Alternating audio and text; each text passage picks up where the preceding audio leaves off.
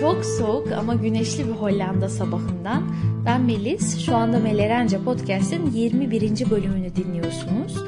Bu yayında birçok kişinin daha önce yaptığımızda pozitif geri dönüşler verdiği, güzel şeyler söylediği bir şey yapacağız. Ve yine son zamanlarda okumakta olduğum, sevdiğim bir kitaptan bir bölüm okuyacağım. Ardından tahmin ediyorum, umut ediyorum kısaca onun üzerine biraz konuşacağız.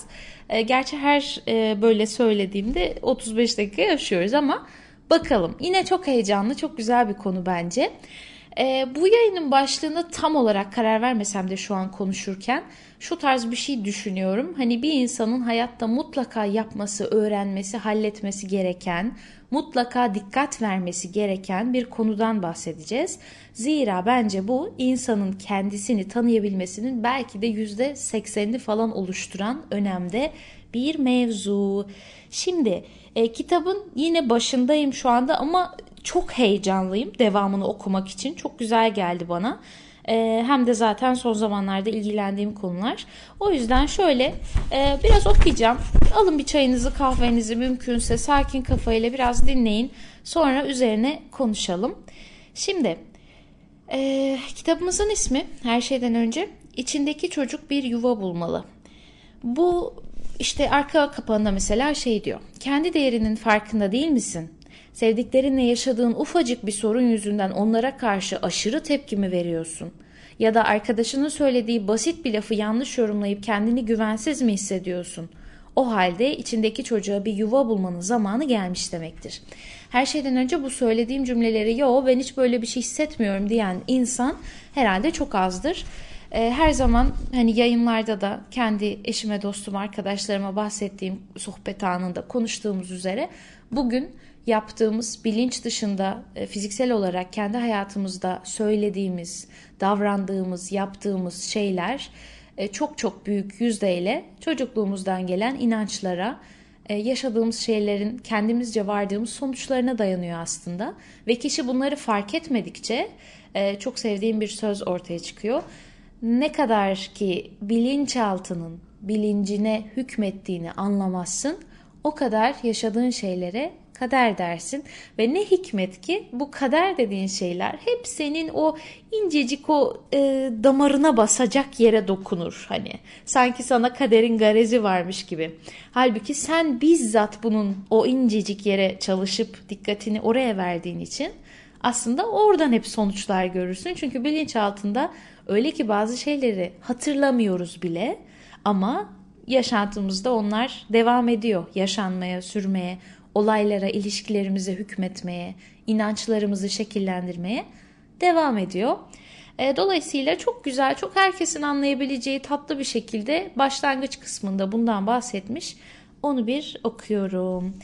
Efendim, her insanın kendini emin, güvende ve hoş karşılandığını hissettiği bir yere ihtiyacı vardır. Her insan rahatlayabileceği ve tamamen kendisi olabileceği bir yere özlem duyar. İdeal olarak baba ocağı böyle bir yerdir. Eğer anne babalarımız tarafından kabul edilmiş ve sevilmiş hissetmişsek sıcak bir yuvaya sahip olmuşuz demektir. Yani evimiz her insanın özendiği tam o evdir. Kalpleri ısıtan, ait olunan bir yer. Çocukluktan gelen, yetişkinliğimizde de bize eşlik eden o kabul edilmişlik ve hoş karşılanma duygusunu temel olarak olumlu bir yaşam duygusu olarak içselleştiririz. Dünyada ve hayatımızda kendimizi emin hissederiz. Kendimize güvenimiz vardır ve başka insanlara da güven veririz. Buna temel güven de denir. Bu temel güven kendi içimizdeki bir yuva gibidir çünkü bize içsel dayanıklılık ve koruma sağlar. Bazı insanlar çocukları ile ağırlıklı olarak güzel olmayan hatta kimisi travmatik olan hatıralarını bağdaştırırlar. Ve bazıları mutsuz bir çocukluk yaşamış fakat bu deneyimleri bastırmışlardır. Neredeyse hiçbir şey hatırlamazlar. Çocuklarının normal ya da mutlu olduğunu düşünen bazılarının hayatı da daha derinden incelendiğinde kendilerini aldatmış oldukları görülür. Kişi çocukluktaki güvensizliklerini ve reddedilme deneyimlerini bastırdıysa ya da yetişkinlikte olanları olduğundan daha zararsızmış gibi kendi kendine gösterdiyse de günlük hayatta bu insanların temel güveninin çok gelişmediği görülür. Özgüvenleriyle ilgili problem yaşarlar ve sürekli karşılarındakinin, partnerlerinin, patronlarının ya da yeni tanıştıkları kişilerin kendilerini gerçekten sevdiğinden ve kendilerini kabul etmiş olmalarından şüphe ederler. Kendilerini çok sevmezler, güvensizlik hissederler ve çoğu zaman ilişki sorunları yaşarlar temel güven duygusu geliştirememişlerdir ve bundan dolayı içsel dayanıklılık hissedemezler.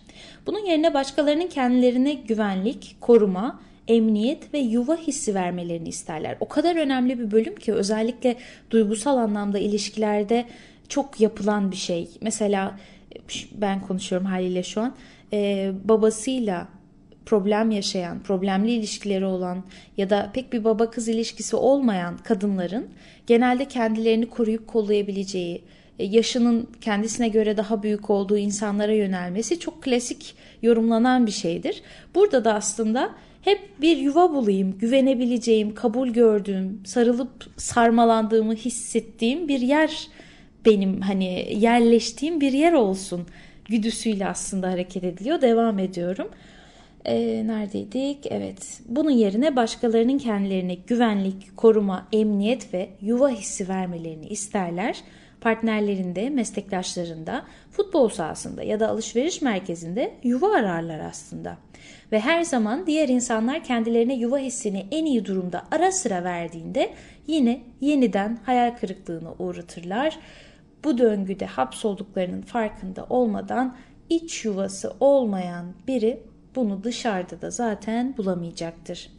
Kalıtsal özelliklerimizin yanı sıra mizacımızı ve öz değerimizi de büyük oranda belirleyen bu çocukluk izlerinden bahsettiğimiz zaman psikolojide içimizdeki çocuk olarak ifade edilen kişiliğin bir kısmından aslında söz ederiz.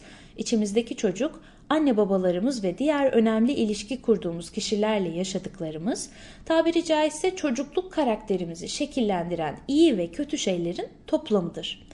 Bu deneyimlerin çoğunu bilinç düzeyinde hatırlamayız. Fakat bunlar bilinç dışımıza sarsılmaz bir şekilde yerleşmiştir. O yüzden içimizdeki çocuğu aslında bilinç dışımızın önemli bir parçası olduğu da söylenebilir. Bunlar çocukluk çağından itibaren yaşadığımız korkular, endişeler ve zorluklardır. Aynı zamanda çocukluğumuzda yaşadığımız bütün olumlu şekillenmelerdir de. Özellikle olumsuz izler bize yetişkinlikte sıkça zorluk yaşatır. Çünkü içimizdeki çocuk çocukluğunda onu incitmiş olan durumları ve aldığı yaraları tekrar tecrübe etmemek için her şeyi yapmaya hazırdır. Yine ben konuşuyorum. Ee, özellikle bazı anlar olur ilişkilerde öyle bir parlarsınız ki karşınızdaki şaşırır ama siz bile şaşırırsınız. Bunda bu kadar kızacak şey sanki yoktu diye. Genelde bu tarz ani ve sivri yükselmelerin arkasında tam bu söylediği cümle e, yatıyor. İçimizdeki çocuk çocukluğunda onu incitmiş durumları, aldığı yaraları tekrar yaşamamak için her şeyi yapar. O an size e, onu tekrar yaşatacak gibi hissettiriyorsa, o yaranıza tuz basıyorsa, onu hatırlatıyorsa çıldırıyorsunuz aniden. Dolayısıyla kendinizi bu anları, bu yükseldiğiniz anları inceleyerek çok ciddi e, sonuç bulabilirsiniz diye düşünüyorum. Benim de devamlı uygulamaya gayret ettiğim bir şey. Neyse pardon araya girmiş bulundum yine. Heyecanlıyım. Devam ediyorum. E, bununla birlikte çocukluğunda eksik kalan güvenlik ve takdir edilme isteklerini yerine getirmek için daha da çabalar. Korkular ve arzular bilinç altında faaliyet gösterir. Bizler bilinçli düzeyde hayatlarını şekillendiren bağımsız yetişkinleriz ama içimizdeki çocuk bilinçaltı düzeyde algılamamızı, hissetmemizi, düşünmemizi ve eylemlerimizi belirgin şekilde hatta aklımızdan çok daha fazla etkiler. Öyle ki bilinçaltının deneyim ve eylemlerimizi %80'den %90'a kadar yönlendiren çok güçlü psikolojik bir unsur olduğu bilimsel olarak kanıtlanmıştır. Şimdi çok güzel bir örnek var. Çok basit, herkesin aşağı yukarı hayatında yaşadığını düşündüğüm bir örnek. Ee, Michael kendisi için önemli olan e, bir şeyi hayat arkadaşı Sabin tarafından alması istendiğinde ve Sabin bunu unuttuysa öfke krizi geçiriyor her seferinde. Geçenlerde Sabin alışverişe gittiğinde onun en sevdiği sosisi almayı unuttuğu için Michael tam anlamıyla çıldırdı.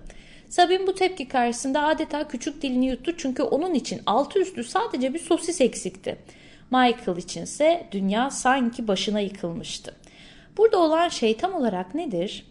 Michael, Sabin onun en sevdiği sosisi almayı unuttuğunda hayat arkadaşı tarafından yeterince dikkate alınmadığını ve saygı görmediğini hissedenin aslında içindeki çocuk olduğunu farkında değildir. Michael aşırı öfkesinin sebebinin Sabin ve unutulan sosis değil, geçmişten gelen, derinde yatan bir yara olduğunun, yani annesinin çocukken isteklerini ciddiye almamasından kaynaklandığını bilmiyor. Sabin bu ihmaliyle birlikte yalnızca bu eski yaraya tuz basmış oldu.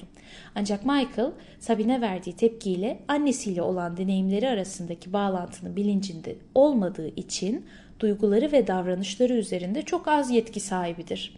Sosis hakkındaki kavga ilişkilerinde bu türden yaşadıkları tek uyuşmazlık değil. Michael ve Sabine asıl sorunun ne olduğunun farkında olmadıkları için sıradan şeyler hakkında çok sık kavga ediyorlar. Zira Sabine de Michael gibi içindeki çocuk tarafından yönlendiriliyor. Bu da bir diğer konu. Burada adamın hassasiyetinden bahsediyoruz ama kadının ya da tam tersi karşı tarafında onu algılayışı yine içindeki çocuk ve hassasiyetlerine göre onun içindeki çocuk eskiden anne babasını nadiren memnun edebildiği için eleştirilere çok alınganca tepki veriyor. Yani Michael'ın tepkileri Sabine'in de içindeki eski çocukluk duygularını canlandırıyor. Böyle durumlarda kendini küçük ve değersiz hissedip dolayısıyla incinmiş ve aşağılanmış da hissederek ona göre bir karşılık veriyor. Hatta bazen ikisi de ufak şeyler yüzünden çok sık kavga edip birbirlerini derinden yaraladıkları için ayrılmanın daha iyi olacağını düşünüyorlar. Ama içlerindeki çocuğun arzuları ve yaralarına bir göz atabilselerdi, görünürdeki sebep olan unutulmuş bir sosis ya da biraz fazla eleştiri hakkında tartışmak yerine bu asıl meseleler hakkında konuşabilirlerdi. Böyle olduğu takdirde muhakkak daha iyi anlaşacaklardı ve birbirlerine saldırmak yerine daha fazla yakınlaşırlardı. İçimizdeki çocuk hakkındaki bilgisizlik sadece çiftlerin ilişkilerinde uyuşmazlık sebebi olmamaktadır. Çoğu çatışmada yetişkinlerin tam bir özgüvenle söz konusu uyuşmazlığı çözdüklerini değil, içlerindeki çocuğun birbiriyle kavga ettiği görünür. Buna bir çalışanın patronun eleştirisine istifa etmekle tepki göstermesi ya da bir devlet adamının başka bir devlet adamının sınır ihlaline askeri saldırıyla cevap vermesi bile örnek gösterilebilir. İçimizdeki çocuk hakkındaki bilgisizlik çoğu insanın hayatından memnun olmamasına, insanlar arasında anlaşmazlıkların çıkmasına ve sıkça kontrolsüz öfke patlamalarına sebep olur. Bununla beraber çocukluğu mutlu geçen ve temel güven kazanan insanların da hayatı tamamen kaygısız ve sorunsuz geçmez. Onların da içlerindeki çocuk belli yaralar almıştır çünkü mükemmel anne babalar ve mükemmel çocuklar yoktur. Anne babaları tarafından iyi şekillendirmelerin yanı sıra hayatlarının ileri zamanlarında sorunlar çıkarabilecek zor olan kısımları da tabii ki alırlar. Belki bu sorunlar Michael'ın öfke krizleri kadar dikkat çekmiyordur. Belki de insanlar aileleri dışındaki insanlara güvenmekte zorlanıyor ya da büyük kararlar almaktan hoşlanmıyor olabilirler. Veya riski göze almaktansa kendi imkanları içinde kalmayı tercih ediyorlardır. Her halükarda çocukluktan gelen olumsuz şekillenmeler bizi sınırlandırıp gelişimimizi ve ilişkilerimizi engeller. Sonuç olarak bütün insanlar için aynı şey geçerlidir. İçimizdeki çocukla tanışıp arkadaşlık kurduğumuz takdirde içimizde hangi arzu ve yaraları taşıdığımızı öğrenebiliriz. Bütün bu okuduğum şeyin aslında belki en önemli cümlesi. E, hatta ruhumuzun yaralanmış bir kısmını kabul edip belli bir dereceye kadar iyileştirebiliriz de. Bu sayede öz değerimiz artar ve içimizdeki çocuk nihayet bir yuva bulur. Başka insanlarla ilişkilerimizi daha huzurlu, içten ve mutlu kurabilmemizin koşulu budur. Bu aynı zamanda bize iyi gelmeyen, hatta bizi hastalandıran ilişkilerden kurtulmak için de önemli bir koşul. Ee, sonra demiş ki bu kitap içindeki çocukla tanışmana ve onunla arkadaşlık kurman konusunda sana yardım etmek istiyor. Bununla birlikte seni sürekli çıkmaz sokaklara ve mutsuzluğa sürekli sürükleyen eski şablonları bırakmana da yardımcı olacak. Tüm bunların yanında sana hayatını ve ilişkilerini nasıl daha mutlu hale getirebileceğin hakkında yeni ve yardımcı tutum davranış biçimleri gösterecek. E, sonra da bu kitapta sen diye hitap edecek yazar. Çünkü içimizdeki çocuk sizden daha çok sene tepki verir demiş. Ve evet kitabın giriş kısmı böyleydi. Ee, bunun ardından kişiliğimizin modellerinden gölge ve güneş çocuk kavramlarından içimizdeki çocuğun nasıl geliştiğinden e, ondan sonra anne babaların dikkat etmesi gerekenlerden psikolojik dört temel ihtiyaçtan bahsediyor. Bunlar yani bu kısımları da okudum. Çok çok güzel bir kitap şu ana kadar. Bu dört psikolojik temel ihtiyacı, bağlanma ihtiyacı, otonomi ve kontrol ihtiyacı, haz tatmini ya da keyifsizliği önleme ihtiyacı, son olarak öz değerini yükseltme ya da kabul görme ihtiyacı olarak söylemiş. Şayet hoşunuza gidiyorsa hem kitabı alıp okuyabilir hem de eğer bu yayını YouTube'dan dinliyorsanız yorumlarda yazarak ya da Melerence'nin Instagram'ından her zaman ulaşarak bu okuduğum diğer gelecek kısımları da özetleyip başka bir yayında bir araya getirebilirim. Çünkü çok böyle altını çize çize keyifle, merakla bir şeyi keşfedecekmişim gibi okuduğum bir kitap. Yani burada vurgulamak istediğim bu bölümde aslında bu okuduklarımın üzerine söylemek istediğim en önemli şey aşağı yukarı her bölümde sohbetini yapıyoruz. Kendini tanımak ne demek? Bu meşhur kişisel gelişim denen şeyin motivasyonu ne? Hani o gerçek hakiki kavramın amacı ne aslında diye. Bence bütün bu kişisel gelişim mevzusundan önce karşınıza çıkan, okuduğunuz, dinlediğiniz, gördüğünüz şeyleri doğru, iyi anlamlandırabilmek için önce temelde ne olduğunu, toprağa ne ekili olduğunu görmek gerekiyor. Eğer bir bahçeden çok sağlıklı, lezzetli, böyle gürül gürül sağlıkla taşıyacak yeni bitkiler, meyveler, ağaçlar bekliyorsanız o zaman önce yabani otları fark edip temizlemek, toprağı temizlemek gerekiyor. Buradaki toprakta bizim zihnimiz. Dolayısıyla bunu fark etmenin en büyük yolu şu anda hangi yabani otlar var zihinde? Neleri söküp atmam gerek? Ne ekmem gerek? Hangi yabani ot zehirli ve bana neden zarar veriyor? Önce bunları fark etmek gerekiyor. Bu da e, gerçekten hiç drama istemeyen bir şey. Yani Kimileri çok fazla ciddi travmatik, kimileri biraz daha hafif. Bir sürü şey yaşıyoruz. Her birimiz ailemizden, kitapta da dediği gibi aile dediğiniz, anne baba dediğiniz şeyde birer insan evladı yani çok yapacak bir şey yok.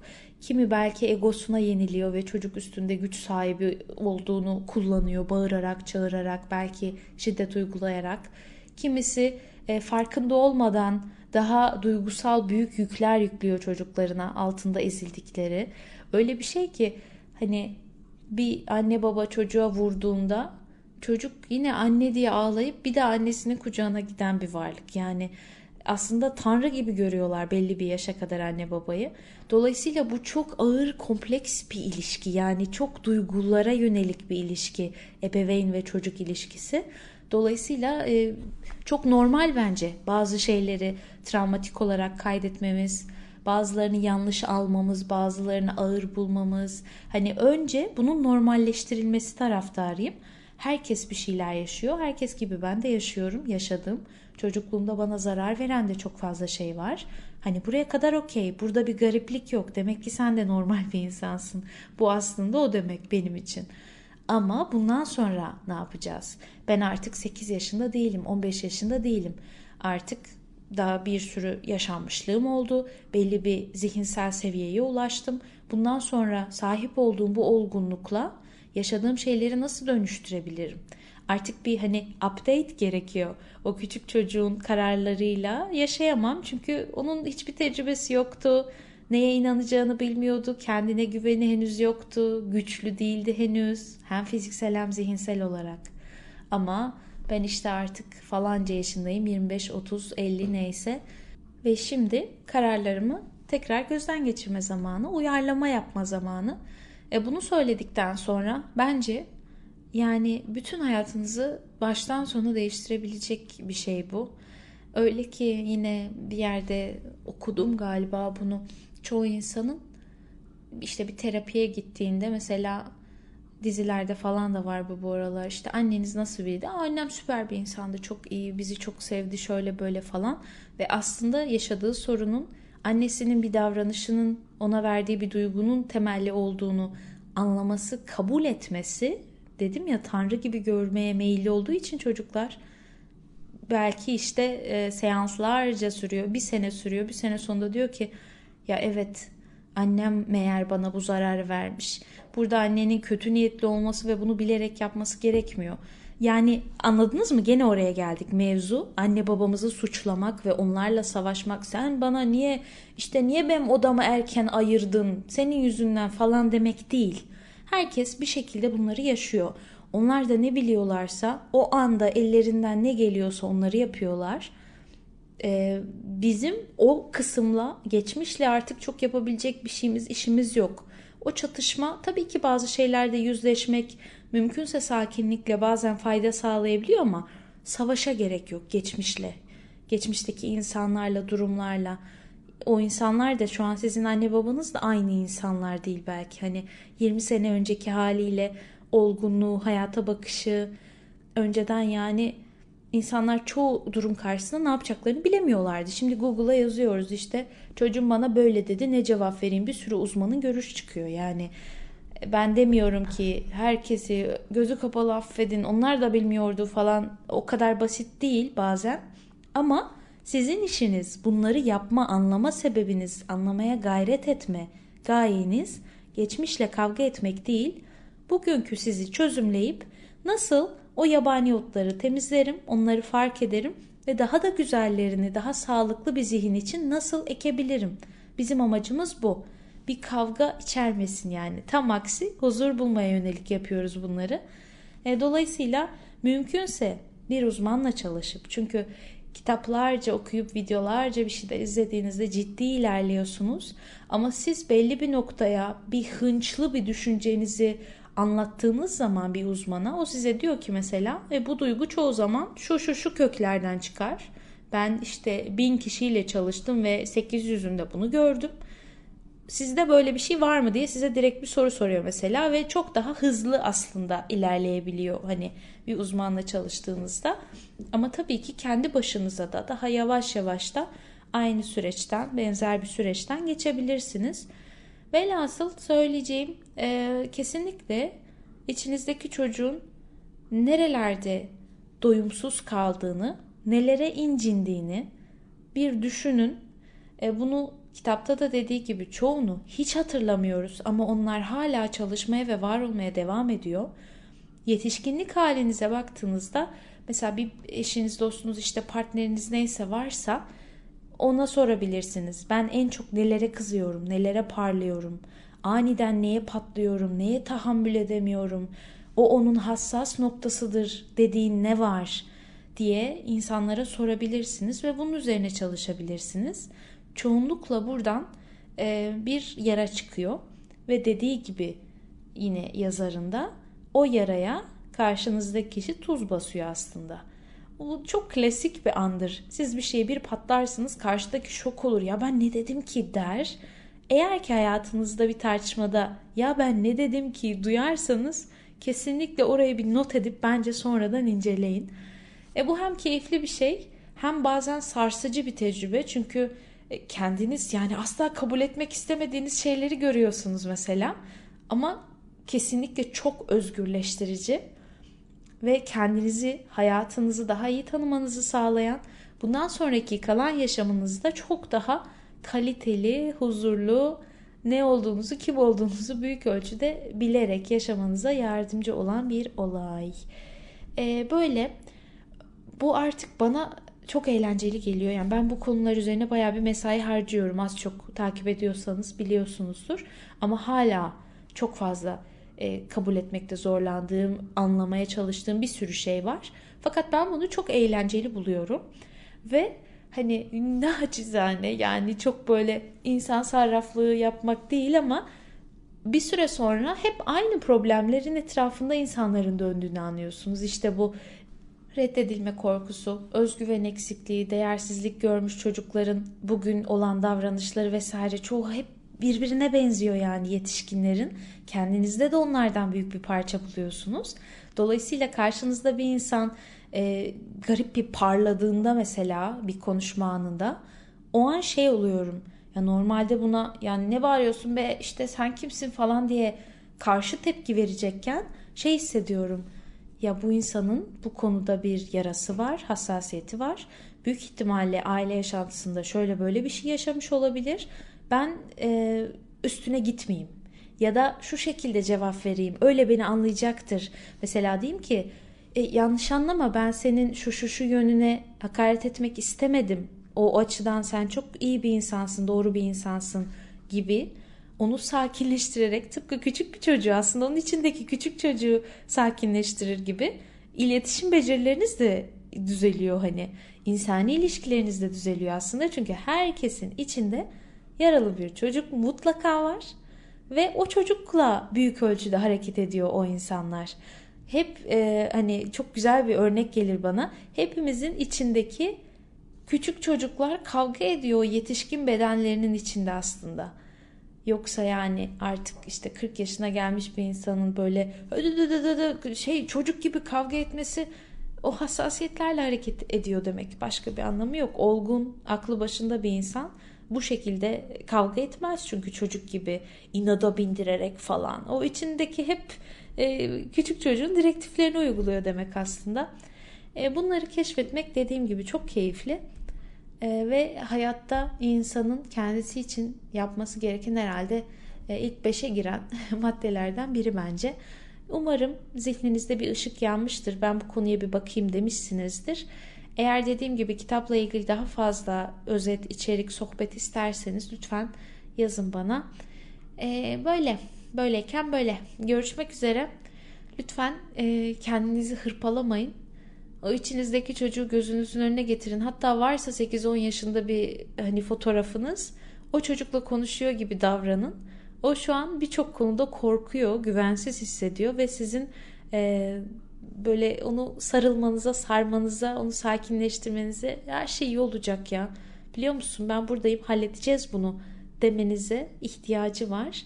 Sevdiklerinizin ve yanınızdaki insanların da buna ihtiyacı var unutmayın. O yüzden sık sık birilerine bir şeylerin daha iyi olacağını, bunu halledebileceğini, ona güvendiğinizi söylemek de yine çok güzel duygular doğurabilir. Böyle. Görüşmek üzere. Teşekkür ederim dinlediğiniz için. Hoşçakalın.